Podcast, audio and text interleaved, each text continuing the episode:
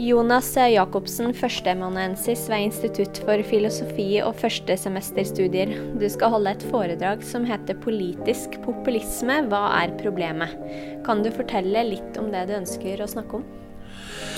Ja, altså Jeg ønsker å gå kort inn egentlig på tre ting. For det første, hva er populisme i det hele tatt?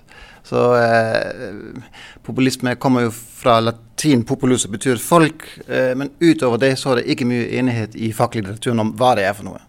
Så eh, eh, det er mange forskjellige definisjoner. Jeg kommer til å presentere et par definisjoner, og så kommer jeg til å argumentere for hvorfor jeg mener en av de er den beste definisjonen. Nemlig det jeg kaller populisme som en type politisk retorikk.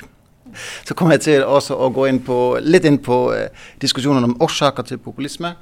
Og da kan vi mildt sagt si at uh, det er ikke noen enkel diagnose. Uh, det er et veldig komplisert sykdomsbilde, for å bruke den uh, metaforen.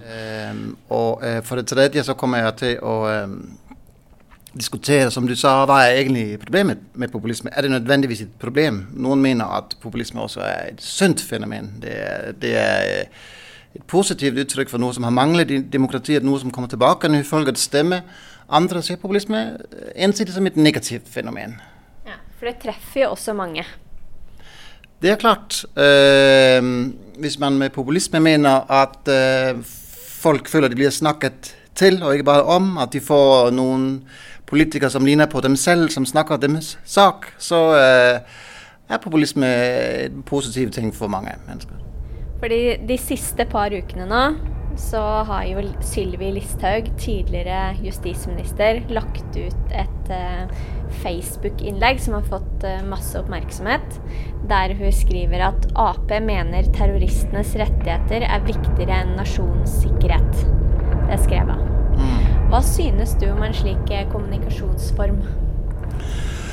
Ja, altså La meg først si at dette er jo typisk for det som eh, blir beskrevet som populisme i faglitteraturen. At denne form for direkte kommunikasjon med, med, med velgerne, og med, særlig med egne følgere. Uh, og via bruk av uh, nye sosiale medier som Internett og Facebook. Så det er veldig sånn typisk fordi vi betrakter som populister. Hva syns jeg selv om, uh, om, om, meldingen? Jeg syns den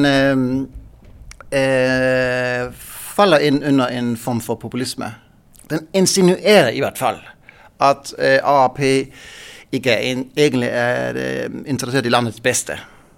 De er egentlig mer opptatt av å beskytte terroristenes rettigheter. Det er en type eh, retorikk som er, eh, kan risikere å skape en veldig sånn polarisering, fordi at eh, eh, den kan brukes til å argumentere for at AAP er man ikke bare uenig med Eh, med hensyn til en spesifikk lovgivning.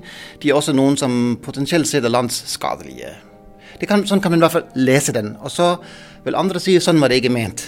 Eh, men eh, det kommer da litt an på fortolkningen her.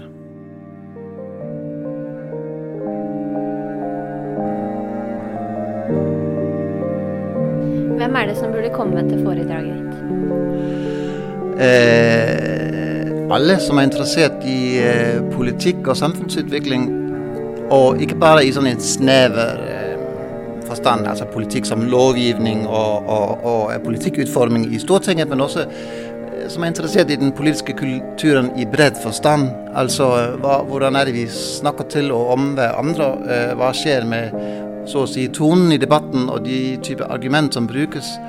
Og hvordan opprettholder vi et, sånt et, et um, uenighetsfellesskap, der vi uh, fremdeles snakker til hverandre på en sivilisert måte, selv om vi er dypt uenige uh, i dagens debattklima.